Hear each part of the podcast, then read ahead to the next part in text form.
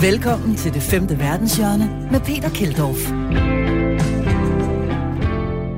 treacherous journeys through that 60 mile stretch of the jungle known as the Darien Gap, the only path north via land that migrants can take.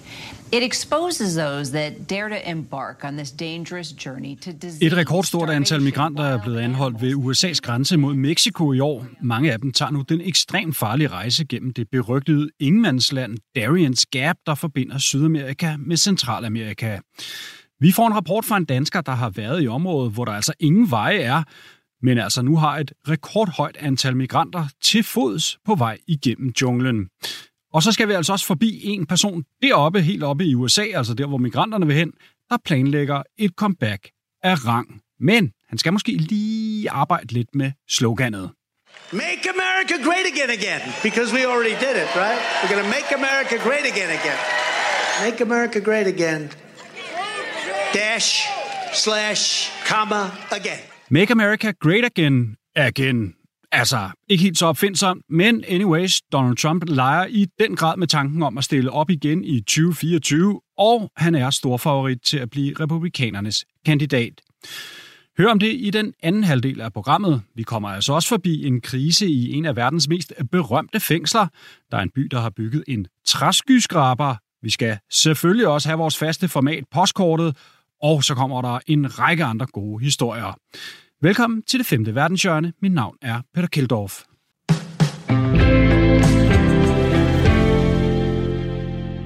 Vi starter med historien om, at antallet af migranter, der bliver arresteret ved USA's grænse mod Mexico, er det højeste nogensinde.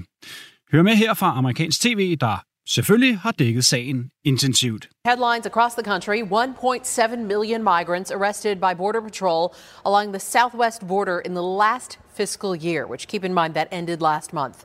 It is a new record. Shows over 1.7 million undocumented immigrants were apprehended at the border over the last year, the highest total in American history. En stor del af migranterne er begyndt at rejse til fods igennem et ufremkommeligt og meget farligt område, der hedder Darien's Gap, der ligger mellem Colombia i Sydamerika og Panama i Mellemamerika. Der er ingen veje eller officiel infrastruktur, der er fyldt med jungle, der er farlige dyr, og området bliver ofte betegnet som ufatteligt farligt for migranterne. Normalt bliver turen vurderet som alt for risikabel, og derfor var det altså normalt kun et par tusinde om året, der krydsede det her ingenmandsland.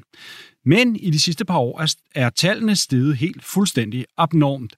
Sidste år krydsede ca. 95.000 migranter Darien Gap, skriver New York Times. Det er specielt haitianske flygtninge, der forsøger at komme op fra Sydamerika og så krydse det her Darien's Gap for at komme op mod Panama og så videre op mod USA, som er det endelige mål. Lad os høre fra to forskellige nyhedsklip fra amerikanske tv-stationer, der har dækket sagen. And as Latin American families look for a better future in the United States, their journey north means that they have to become much more than just migrants. They have to become survivors. And we've been covering so many of these treacherous journeys through that 60 mile stretch of the jungle known as the Darien Gap, the only path north via land that migrants can take. It exposes those that dare to embark on this dangerous journey to disease, starvation, wild animals, even bandits that prey on the most vulnerable. Many of these migrants made their way hundreds of miles to the U.S. by crossing through a treacherous stretch of land known as the Darien Gap. The Darien Gap spans from southern Panama into northern Colombia. The area consists of thick forests, jungles, and rugged mountain terrain. There are no drivable roads in the region connecting Central and South America. This forces migrants to brave the gap as they travel north with the hope of reaching the U.S. and forging a new future. Forleden ringede jeg til Claus Kærby, der er bosat i Panama og selv har været i Darien's Gap. Han er direktør i virksomheden Geoversity og også medlem af Eventyrernes Klub. Darien's Gap er jo grænseområdet mellem Colombia og Panama, som har været stridet siden uafhængigheden af Panama fra Colombia øh, i forbindelse med kanalforhandlinger for godt og vel 100 år siden, hvor Panama jo blev uafhængig af Colombia. Og siden den tid, der har man jo overvejet, at man skal åbne området for vejtransport mellem landene. Øh, og det er jo så ikke blevet til noget. Altså, det er jo det eneste sted, hvor øh, den øh, trans, øh, hvad hedder den, Pan American Highway fra Alaska og så til det sydlige Chile, Argentina, at den, den er afbrudt overhovedet. Ikke?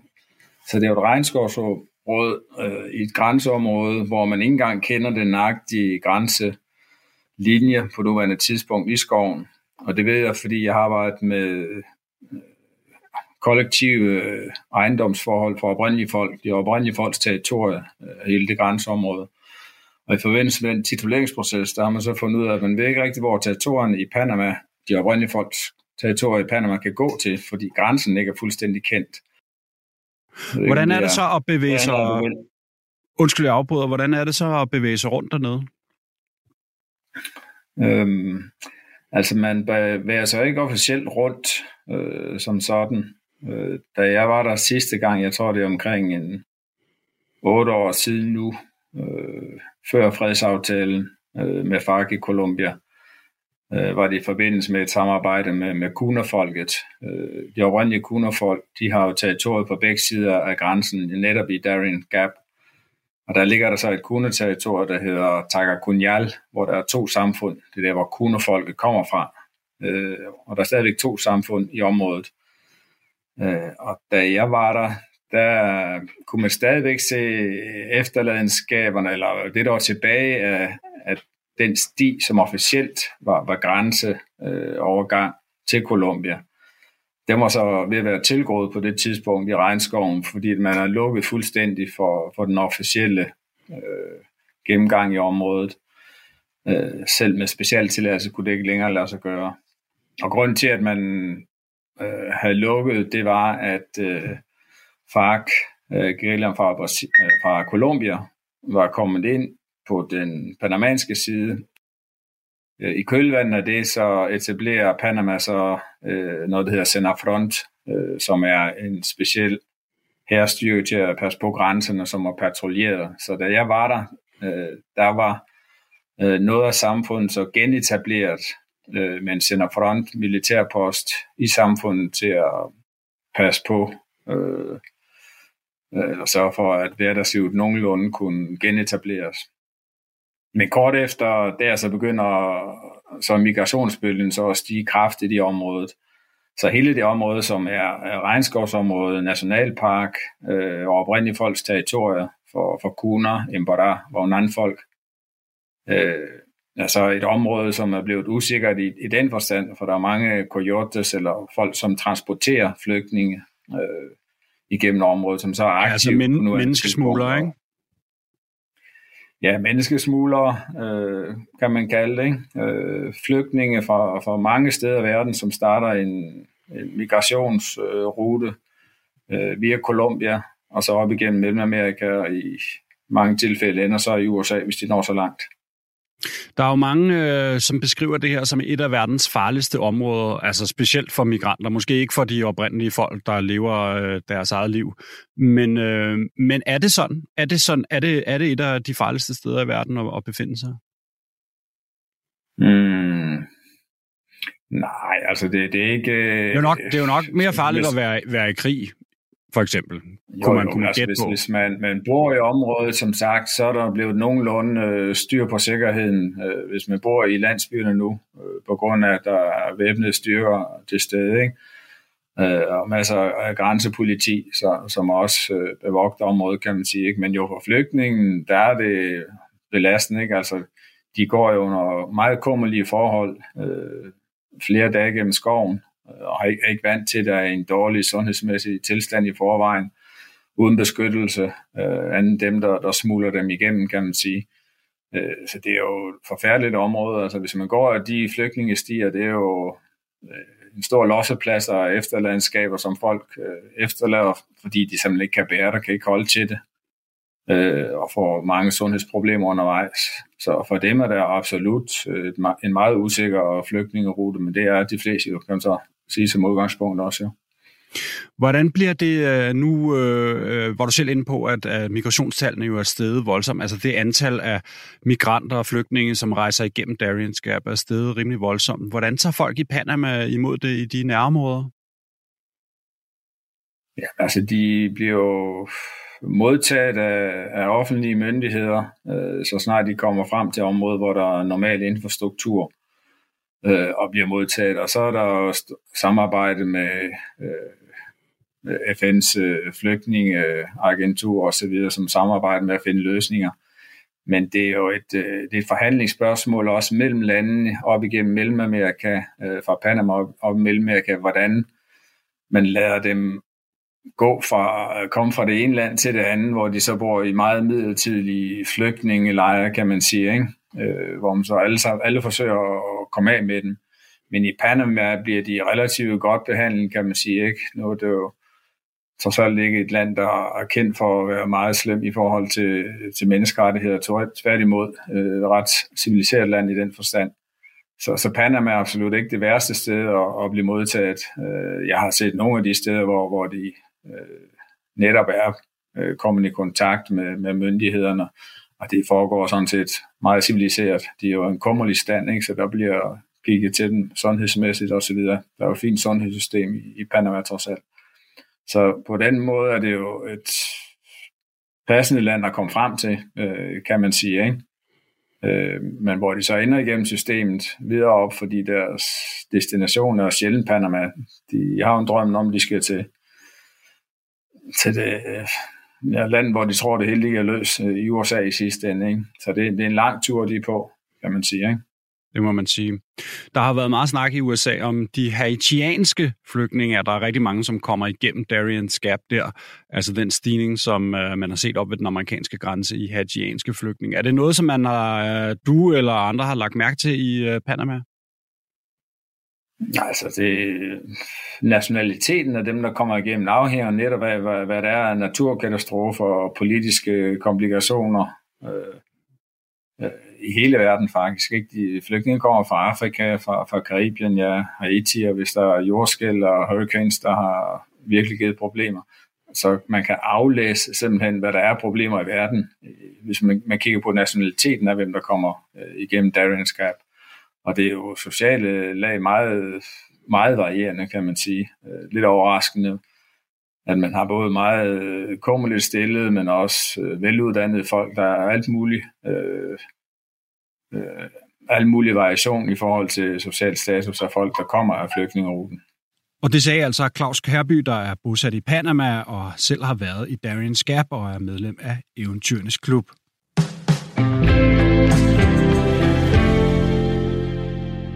Så skal vi til en historie om et af verdens mest berømte fængsler, Rikers Island i New York. Du har helt sikkert hørt navnet, hvis du har set en gangsterfilm, hvor den dømte så bliver sendt til Rikers. Eller måske har du hørt om det i en gangsterrap-sang, hvor det berygtede fængsel altså også optræder tit. Men nu er der altså krise på Rikers. Our coverage of the crisis on Rikers Island continues tonight. And the crisis at Rikers has been building for some time. More than a dozen state and local leaders got a firsthand look at the conditions inside Rikers Island yesterday, and they toured the facility and spoke with the inmates. Now they are calling on Governor Kathy Hochul to step in and do something to improve the conditions inside the jail. Som I hørte, så kaldte nogle politikere, der fik en tur på det kriseramte fængsel, det for en humanitær krise, det der foregår inde på Rikers Island. Altså fængslet, der ligger på en ø, navn, øh, navnet er det samme, altså Rikers Island, øh, som ligger mellem bydelene Queens og Bronx i New York City, og er altså kæmpebyens primære fængselssystem. Men nu er der altså kæmpe problemer, fordi fængslet er ramt af enorme bandeproblemer, brutalitet og vold, både internt mellem fangerne, men også fra fangerne mod fængselspersonalet og omvendt, altså fra fængselspersonalet mod fangerne. Og 14 personer er døde i fængslet i år. En del af dem inden for de seneste par måneder. Lad os prøve at høre om situationen fra et tv-klip, hvor CBS New York interviewer en fange, der netop er blevet løsladt fra Rikers. Conditions for the thousands who remain jailed on the island are dire. Behind the walls on Rikers Island. It seems as if violence is the only thing that people respect. The desperation has not let up, despite the city touting various plans for weeks to address deteriorating conditions. You could be beat up and be in that cell and be dead, and nobody would know. That's scary. Men som om, at den ekstremt brutale vold og bandeopgørende ikke var nok, selve fængslet er præget af total dysfunktionalitet, lyder det fra en af de, der var på den her tur på Rikers for at se på forholdene forleden. Det foregår i et interview på Pix 11, en lokal New Yorker tv-station. First of all, no one on either side of the bars are safe on the island right now. Uh, I visited in May, and it was bad then. You know, the things that we heard, the the precipitous drop from May to now to an almost dysfunctional uh, system uh, was just uh, unbelievable and unconscionable. We saw people sharing uh, bags uh, as toilet bowls because mm. the toilet bowls didn't work. Some places that had no um, water. we had HIV patients saying they hadn't received their medication. same people with mental health issues. We had people with wounds that hadn't seen doctors. Um, we saw people who were in sh- uh, shower cell door uh, uh, used as cells.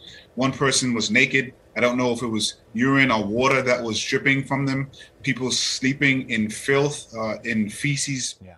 No one is safe at the island, og folk sover i skidt og afføring. Sådan lød altså nogle af de forfærdelige beskrivelser af forholdene i det berygtede fængsel.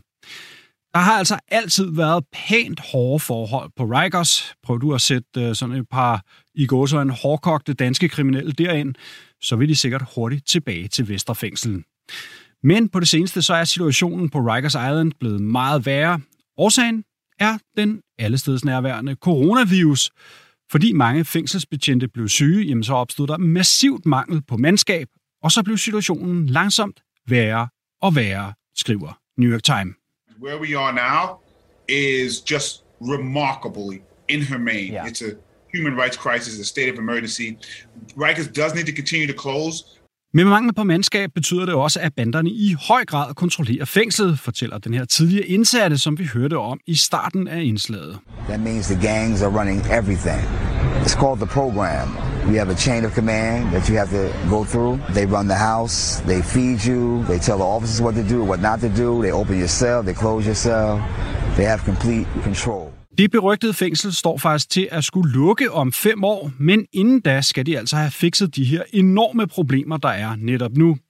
Rikers skal have færre indsatte i selve fængslet, og så flere betjente til at passe fangerne. Sådan lyder opfordringen til politikerne. The two things that we have to do is decarcerate. We have to get some people off of that island. There are too many people. Not everybody has to be there. There's a yeah. there's levels of folks that do not have to be there. We need to get them off. We need to stop people from coming to Rikers today. They're staying in those buses sometimes overnight. We need to get additional staff on the island immediately. Så skal vi til vores faste tilbagevendende element her i det femte verdenshjørne. Postkortet, røverhistorien, den gode fortælling ude fra den store verden. Denne gang kommer ugens fortælling fra rejseleder John Christensen. Kære femte verdenshjørne, her kommer fra en historie fra dengang jeg boede i Kenya og var i gang med at opføre en safari-camp, der hedder Camp Lexington. Og øh, det er fra en, en eftermiddag, en søndag eftermiddag, hvor vi lige havde lukket ned for, for dagens arbejde. Og det var sådan en rigtig, rigtig flot dag. Og øh, hvor der var flot klar skær for solen. Så valgte jeg at gå en tur op langs floden. Vi holdt til helt ude ved den flod, det her Mara River. Og øh, jeg går op, så sætter mig på en stor sten. Og så pludselig, så kommer der tre små dækdækker ud. Og dækdækker, det er den mindste antilope, der, der findes i det område. Og det er meget, meget sjældent, man faktisk ser tre dækdækker øh, sammen. Det, det er første gang, jeg nogensinde har set det, og eneste gang faktisk. De går så ned og øh, drikker vand, og så pludselig, så rykker de tættere imod mig, og så ud af bussen, der kommer der så to store vandbukke, et par, og de går også ned og, og drikker vand, og det er virkelig et fantastisk øjeblik. Pludselig så stivler de alle fem og kigger over på den anden side af, af floden, og øh, ud af bushen, der kommer der en, en stor flot løvinde og går ned mod floden og begynder at krydse floden. Og så tænker jeg, ups, det skal jeg vist ikke lige komme for tæt på det her. Så jeg sådan sniger mig langs floden og så tilbage igen til, til campen. Og så sidder jeg lige lidt, der, lidt, lidt rystet over at møde sådan en, en ret stor løvinde, ikke med meget, meget kort afstand. Så sker det faktisk det, at inden for de næste to år, øh, så opsøger hun mig, tror jeg helt klart, det er den samme løvinde. Øh, de første år af campens historie havde jeg ikke rigtig noget sted at bo, så jeg boede nede i de telte, hvor også gæsterne de boede i. Så hver gang der var et telt, der var ledigt, så sov jeg i, i et af dem. Det kunne så være telt nummer 1, eller nummer 5, eller nummer 18. Det var sådan lidt forskelligt. Øhm, så skete det faktisk det, at øh, hun kom ind i campen en gang imellem, og øh, så satte hun sig der. Og øh, så kom vagterne, vi havde jo vagt, til at skulle passe på, på os selv på, og på, øh, for dyrene. Og hun satte sig ud foran det, vi kalder for outdoor shower. Det vil sige, at alle teltene de vendte ned mod, mod selve floden med en stor øh, terrasse, og så kommer teltet, og så kommer så selve outdoor showeret, og så går stigesystemet, det går bagved. Og øh, de observerer hende komme ind, og øh, hver gang, og det, det var sjovt, at det var, at hun kunne finde frem for det telt, hvor jeg boede, jamen jeg boede nummer 8 eller nummer 3, eller hvad søren det var i. Hun gik direkte hen til det telt, jeg var i, og øh, så satte hun sig foran teltet, og så kom vagterne sig ind på kontoret hos mig, og øh, sagde, at så nu var hun en, på en tur på, på besøg igen. Og øh, så, det, det lyder fuldstændig sindssygt, men, men øh, så fik jeg pakket mine ting sammen og gjort dagens arbejde færdig. Og hun sad lige så stille og roligt, og det passede selvfølgelig på, at hun ikke begyndte at bevæge sig rundt og med andre gæster og sådan ting der. Og så går hun ned til, til selve teltet, og så lister direkte op til hende, eller op imod hende, og så står man ligesom, man vil aldrig nogensinde se en løv direkte i, i øjnene, men, men øhm, man går sådan helt stille, stille og roligt hen i, imod hende. Og øh, så, så har vi sådan flere gange stået lidt, så har hun rejst sig op, og så har hun sådan ligesom givet sig til kende, at hun ser, at jeg var kommet, og så listede hun afsted igen. Og øh, det var sådan en ret, ret, ret mærkelig oplevelse. Så gik der nok en to år, så var hun ikke i kampen, og vi så intet til hende. Men øh, den aller sidste aften, efter jeg havde sagt op, og var i gang med at, at pakke sammen, så havde jeg den, den sidste nat, og øh, der var jeg så flyttet ud af det telt, eller det, det hus, som jeg boede i, som var blevet bygget til mig, øh, som lå i den modsatte ende end det telt, jeg skulle sove i. Det var nemlig det aller sidste telt, nummer 22. Og øh, den, der skulle overtage jobbet efter mig, vi sidder inde på kontoret og får gjort tingene klar, og, og jeg gør klar til at så skulle, skulle flytte fra Kenya altså til, til, til Danmark i første omgang. Og øh, så sker det at ja, kl. 11, tror jeg, om aftenen, der, så kommer en af vagterne ind og siger igen, at der er observeret to løvinder med en flok unger ude for kanten, og øh, de har så fulgt dem, og hun går, den her, de her to løvinder går så faktisk ned og lægger sig, jeg ved ikke, måske 80 meter væk fra telt nummer 22, som, øh, som jeg skal sove i. Og øh, det var virkelig en, en underlig oplevelse, da jeg går ned. Så har jeg, jeg har ikke nogen lommelygge, jeg har min øh, lys fra min mobil, min mobiltelefon. Jeg går ned, og, og så får jeg sådan lys hen over imod dem, og kan se, de, der ligger den her løveflok. Og det ligger helt stille og roligt. Hun rejser sig op og kigger på mig, og lægger sig ned igen. Og så går jeg så ind og gør klar til natten. Og øh, næste morgen, jeg tror klokken er fem eller sådan noget, det jeg står op, og så skal jeg begynde at gøre klar til at, at gå over og så få gjort de sidste ting, inden jeg rejser derfra. Går jeg ud, og der er jo stadigvæk mørkt på det her tidspunkt, her ved halv seks tiden, går jeg ud, og så tænker jeg, gud, de stadigvæk ligger der. Det gjorde de. Jeg kunne sådan lige skimpe over til dem, at de lå der. Og så gik jeg så tilbage igen øh, op på, på mit kontor, der på, på kontoret, og fik gjort de de sidste ting færdige. Og øh, så går der, tror det er måske små 20 minutter, så kommer en af vagterne og siger, så ligesom at nu er de alle sammen gået igen. Så det var ligesom det aller sidste farvel for den omgang der efter seks år ude på, på savannen, at hun skulle lige ned og, øh, og sige farvel til mig på en, på en flot måde. Og det må man sige, det, det blev en, en rigtig, rigtig flot måde. Det var altså ugens postkort, der kom fra rejseleder John Christensen. Velkommen til det femte verdenshjørne med Peter Keldorf. Velkommen tilbage til det femte verdenshjørne. Lad os gå lige på og hårdt med en gammel kending, som vist leger med tanken om at stille op i 2024. Og vist også har fundet et nyt, ah, måske ikke helt så opfindsom slogan frem til lejligheden. Prøv at høre med her. So we're using the same slogan, Make America Great Again. And we may even add to it, but we'll keep it. Make America great again again, because we already did it, right? We're going to make America great again again. Make America great again. Dash, slash, comma, again. Make America great again again. I don't know. If you think about it, it's more accurate. Make America great again again.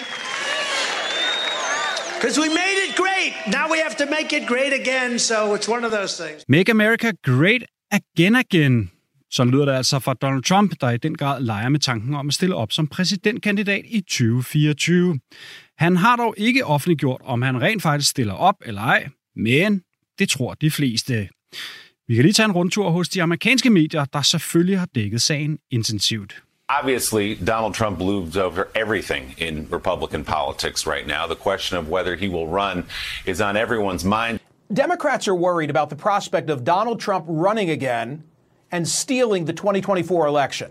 No wonder. Former President Trump rallying supporters and hinting at a 2024 bid. Back to Make America Great Again.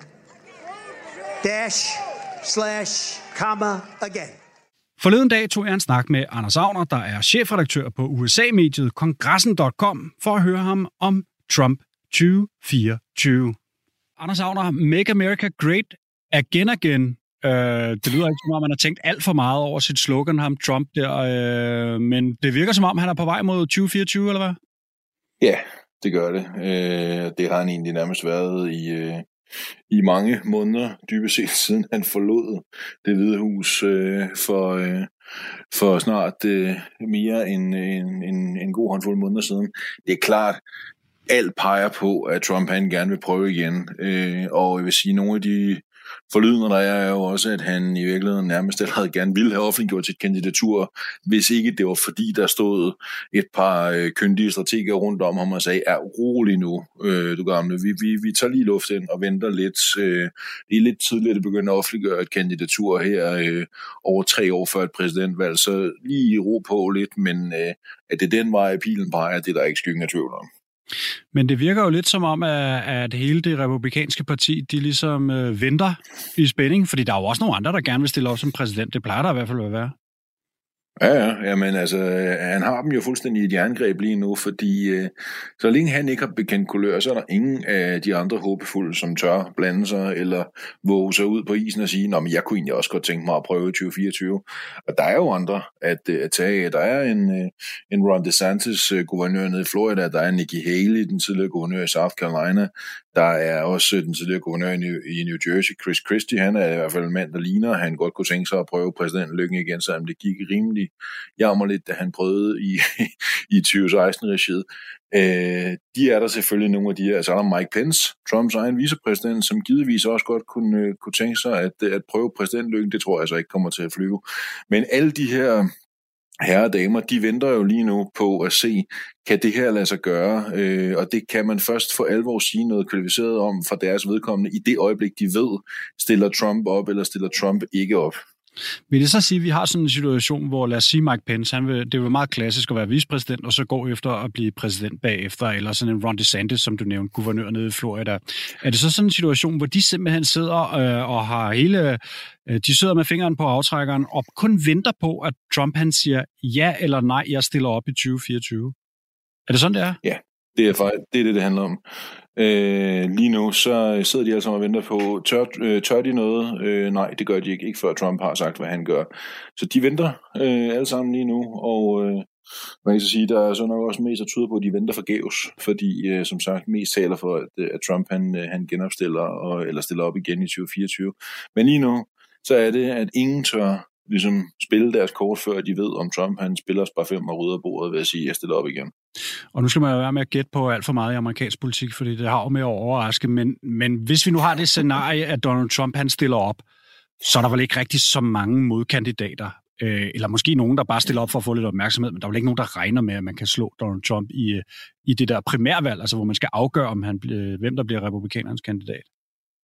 Nej, ikke øh, som det ser ud nu. Altså tværtimod, så må man sige, at stiller han først op, så er han også stor favorit til at, øh, til at vinde den øh, republikanske nominering.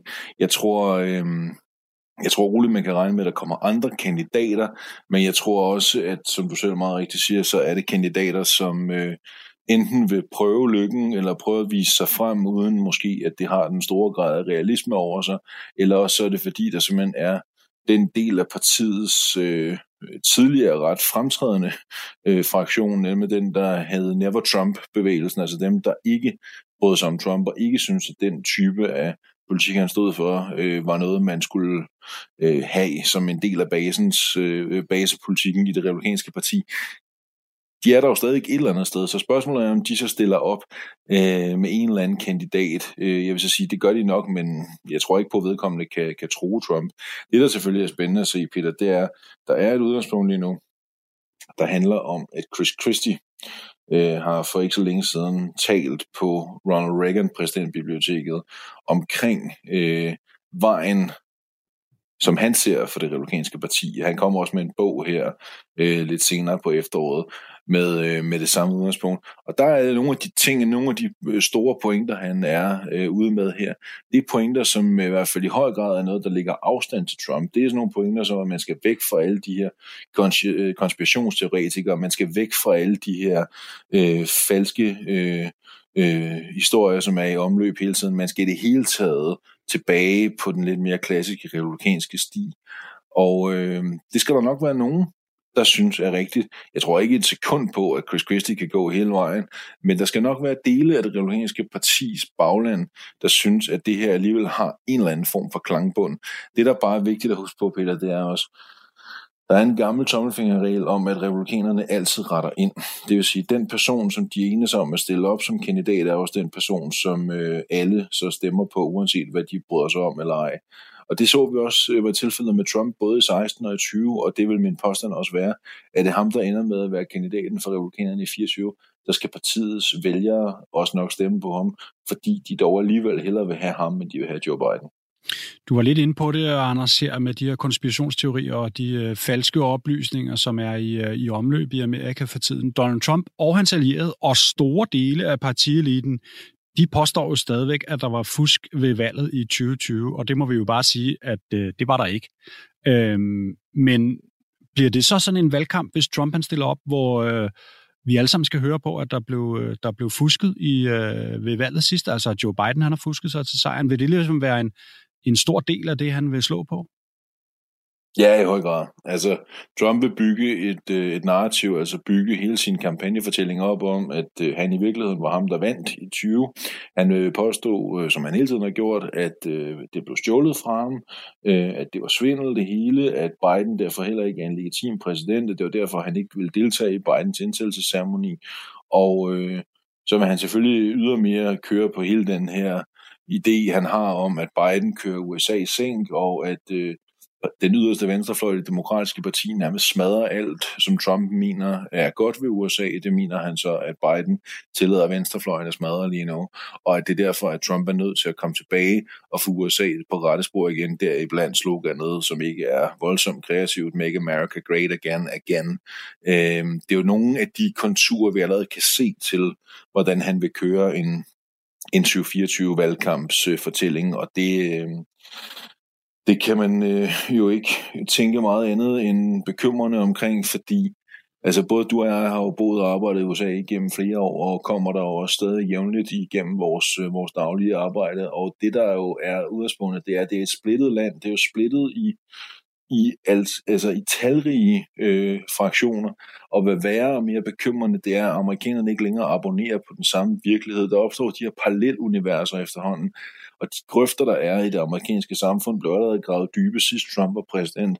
Og jeg kan næsten ikke holde ud at tænke på, hvor meget værre det bliver øh, i forbindelse med en kommende 2024-valgkamp, hvis han kører i det narrativ, jeg lige har skitseret, hvilket må sige at være det, der er det mest sandsynlige. Ja, det er jo lige før, altså, jeg, jeg, jeg blev næsten helt træt ved tanken. Jeg skulle lige til at spørge dig, kan, kan, kan du overhovedet klare en omgang til med Trump? Altså, fordi at, øh, altså, det var jo så sindssygt sidst, og nu bygges der jo bare på til at øh, endnu, endnu vildere omgang. Øh, øh vi må se, hvad der sker med 2024, om han stiller op den store, den store republikanske leder.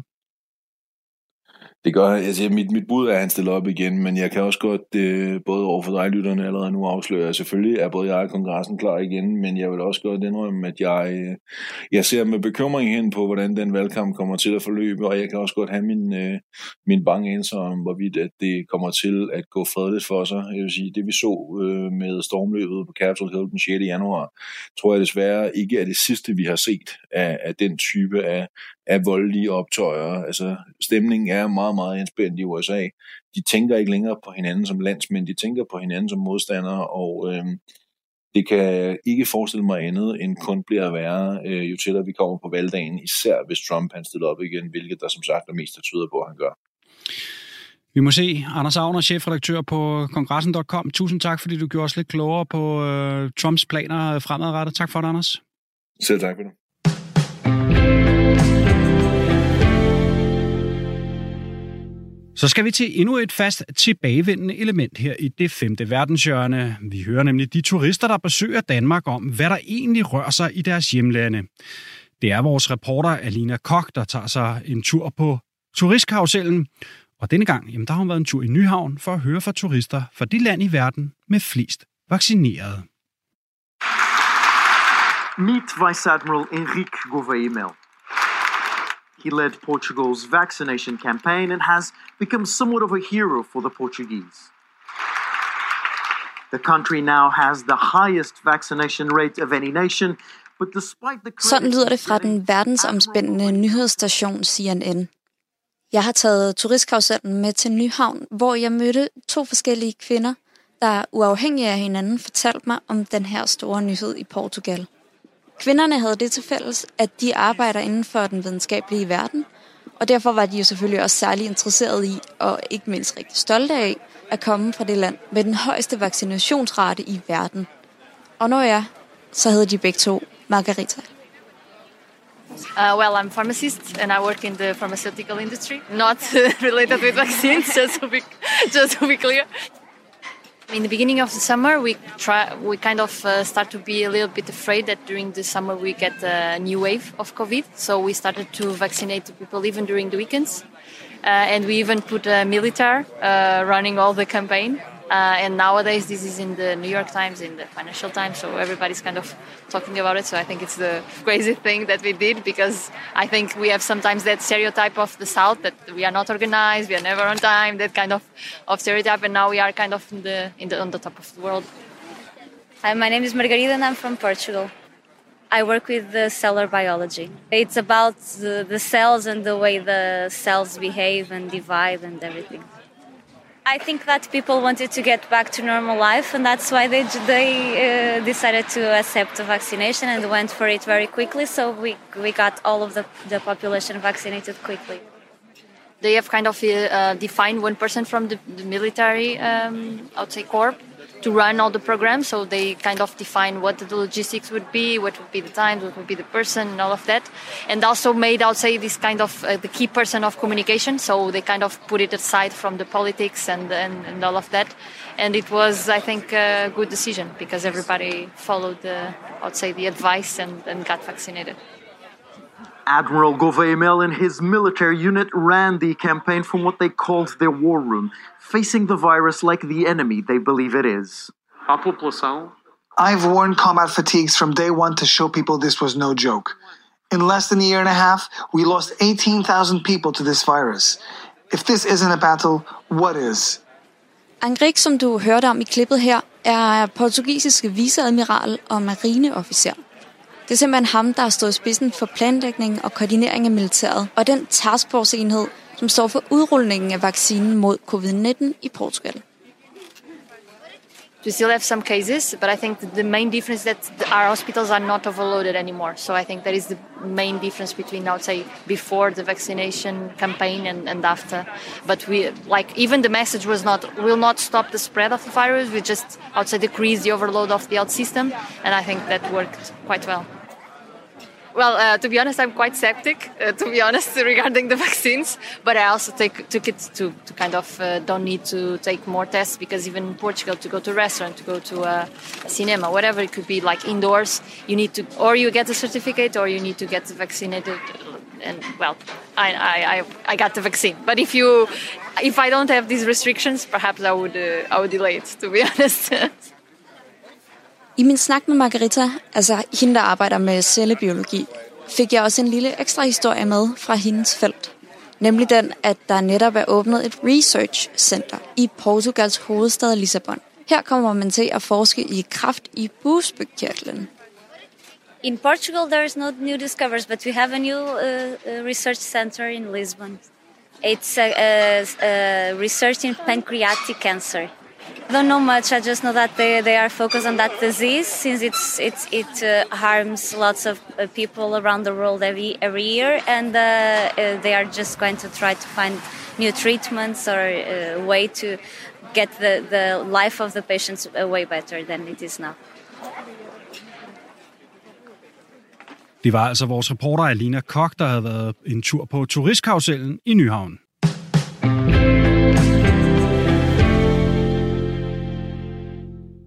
O relatório da CPI da pandemia atribui ao presidente Jair Bolsonaro 10 crimes. Aqui no telão nós temos uma Så er vi nået til Brasilien, og vi er i gang med en kæmpe nyhedshistorie.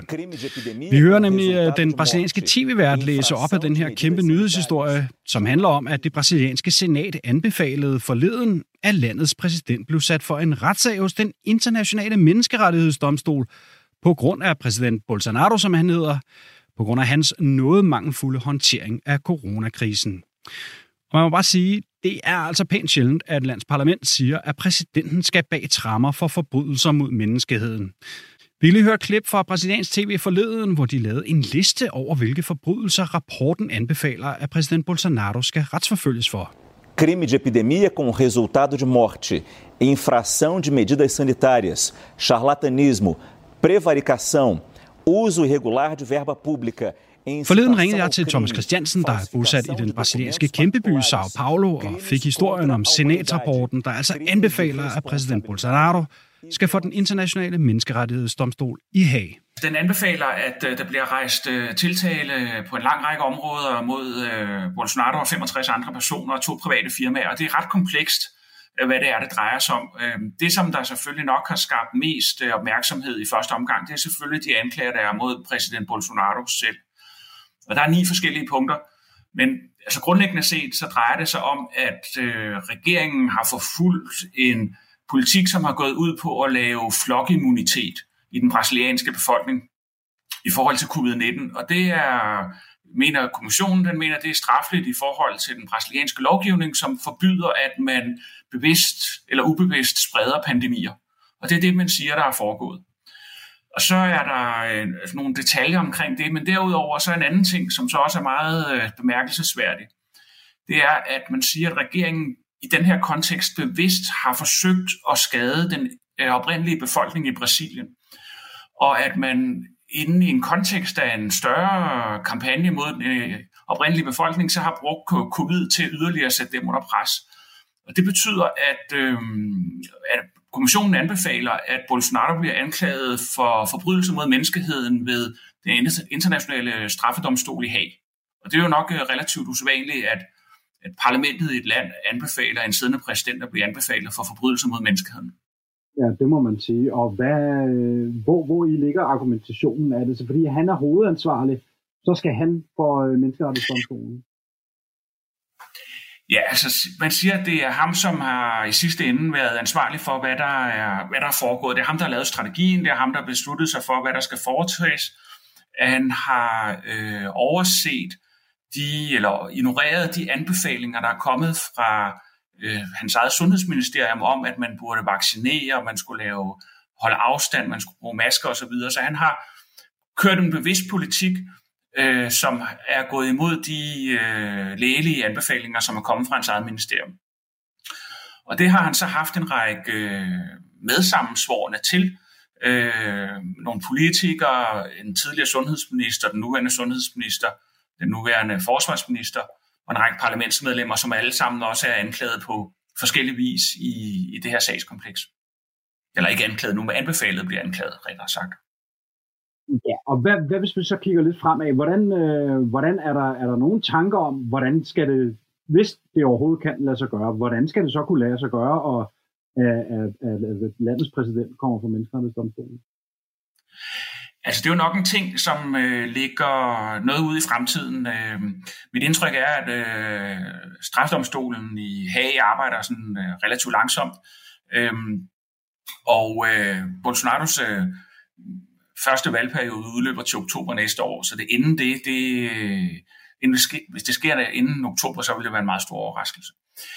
Øh, men, men de opfordrer altså strafdomstolen her om at tage, om at tage sagen op. Øhm, og så samtidig, så, hvis man ser på, hvad der skal foregå her internt i Brasilien, så er der så en proces, som også kan være ret langstrakt. Øh, fordi øh, senatet kan ikke rette, øh, oprette en retssag selv, så de skal sende det videre til anklagemyndigheden rundt omkring i øh, Brasilien, som så skal forberede nogle anklager, vurdere, om der kan rejses retssag, og så skal der gennemføres en retssag, og så falder der eventuelt dom. Det brasilianske retssystem er relativt langsomligt i mange sammenhænge, så det er heller ikke sikkert, at der kommer noget igennem inden oktober næste år, hvor der er valg. Så på den korte bane, eller for politisk, øh, Bolsonaros politiske fremtid, så er det nok mere et spørgsmål om, at de her sager, så længe de kører, kan have en alvorlig øh, konsekvens for hans mulighed for at blive genvalgt som præsident til næste år. Så man skal ikke forvente, at Bolsonaro han ender bag, øh, bag trammer eller noget andet dramatisk øh, i den sådan nærmeste fremtid. Nej, altså det, der højst kan komme på tale, det er, at man kan, man kan tro, at der kommer en, en rigsretssag imod ham på baggrund af de her ting, som jo mere en politisk øh, sag, hvor man siger, at manden han har ikke, øh, hvad hedder det, øh, han lever ikke op til den ære og værdighed, der er ved at sidde som præsident, og så kan et øh, kvalificeret flertal i, i parlamentet kan afsætte ham lidt på samme måde som øh, samme system, som findes i USA. Øhm, og øh, det vil nok være den mest, øh, mest sandsynlige ting, der kan ske øh, sådan, øh, procesmæssigt inden valget næste år. Men jeg er ikke, heller ikke sikker på, at, at man vil kaste sig ud i det. Øh, Bolsonaros øh, meningsmålinger ligger ret dårligt i øjeblikket, og øh, det er muligt, at man fra politisk hold hellere vil satse på, at han taber valget, end at han kan få en rolle som martyr i forhold til at blive afsat ved en rigsretssag. Jeg gætter på, at det her det er noget, som de brasilianske øh, medier har gået pænt meget op i. Ja, altså det er det jo selvfølgelig, og man kan sige, at, at det der nok er sket her i første omgang, hvor rapporten kom ud i går, det var, at man har prøvet på at skabe sig et overblik over alt det indhold, der er. Fordi rapporten er som sagt på 1100 sider, så det, man har fokuseret på i første omgang, det har jo været sådan ligesom hovedoverskrifterne, der blev præsenteret. Og det har jo været, hvem er det, der bliver opfordret til at blive anklaget? Øh, hvad er Bolsonaros rolle? Hvad er det for nogle punkter, som han er i, øh, øh, har problemer med? Og, øh, og så også selvfølgelig en forklaring af, til den brasilianske befolkning om, hvad den videre proces er. Øh, at man ikke skal forvente, at der sker noget sådan, øh, domsmæssigt lige her på den korte bane. Men det er klart, at, at øh, man, har, man har diskuteret det meget, eller det er kommet, det fylder jo selvfølgelig øh, overskrifterne, og, og der er også allerede nu, man kan se, om det, det, øh, der er sådan en vis polarisering i, hvordan man ser på det. Altså der er nogen, der mener, det er et øh, bevis for, at Bolsonaro og hans regering har handlet øh, på en sådan måde, at det har øh, ført til flere hundrede tusind brasilianere døde unødvendigt på grund af pandemien, mens andre siger, at der er tale om politisk forfølgelse. Bolsonaro selv var ude i går og sige, at, øh, at det var spildt arbejde fra kommissionens side, og det eneste, de havde nået frem til, det var, at de øh, havde været i stand til at skabe mere had og splid i den brasilianske befolkning, uden at han i øvrigt forholdt sig overhovedet til, hvad indholdet var af, af rapporten. Sådan lød det altså fra Thomas Christiansen, der var med os fra Sao Paulo i Brasilien.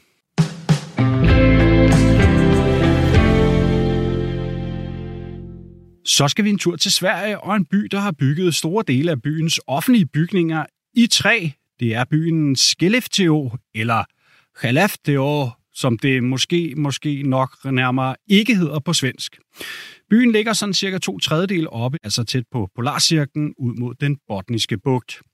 Skellefteå har blandt andet bygget sit varetegn helt i træ, en såkaldt træskyskraber. Prøv at høre med her i et klip fra landet Sveriges officielle YouTube-kanal. 20 stories high, close to 80 meters tall, making it one of the tallest wooden buildings in the world.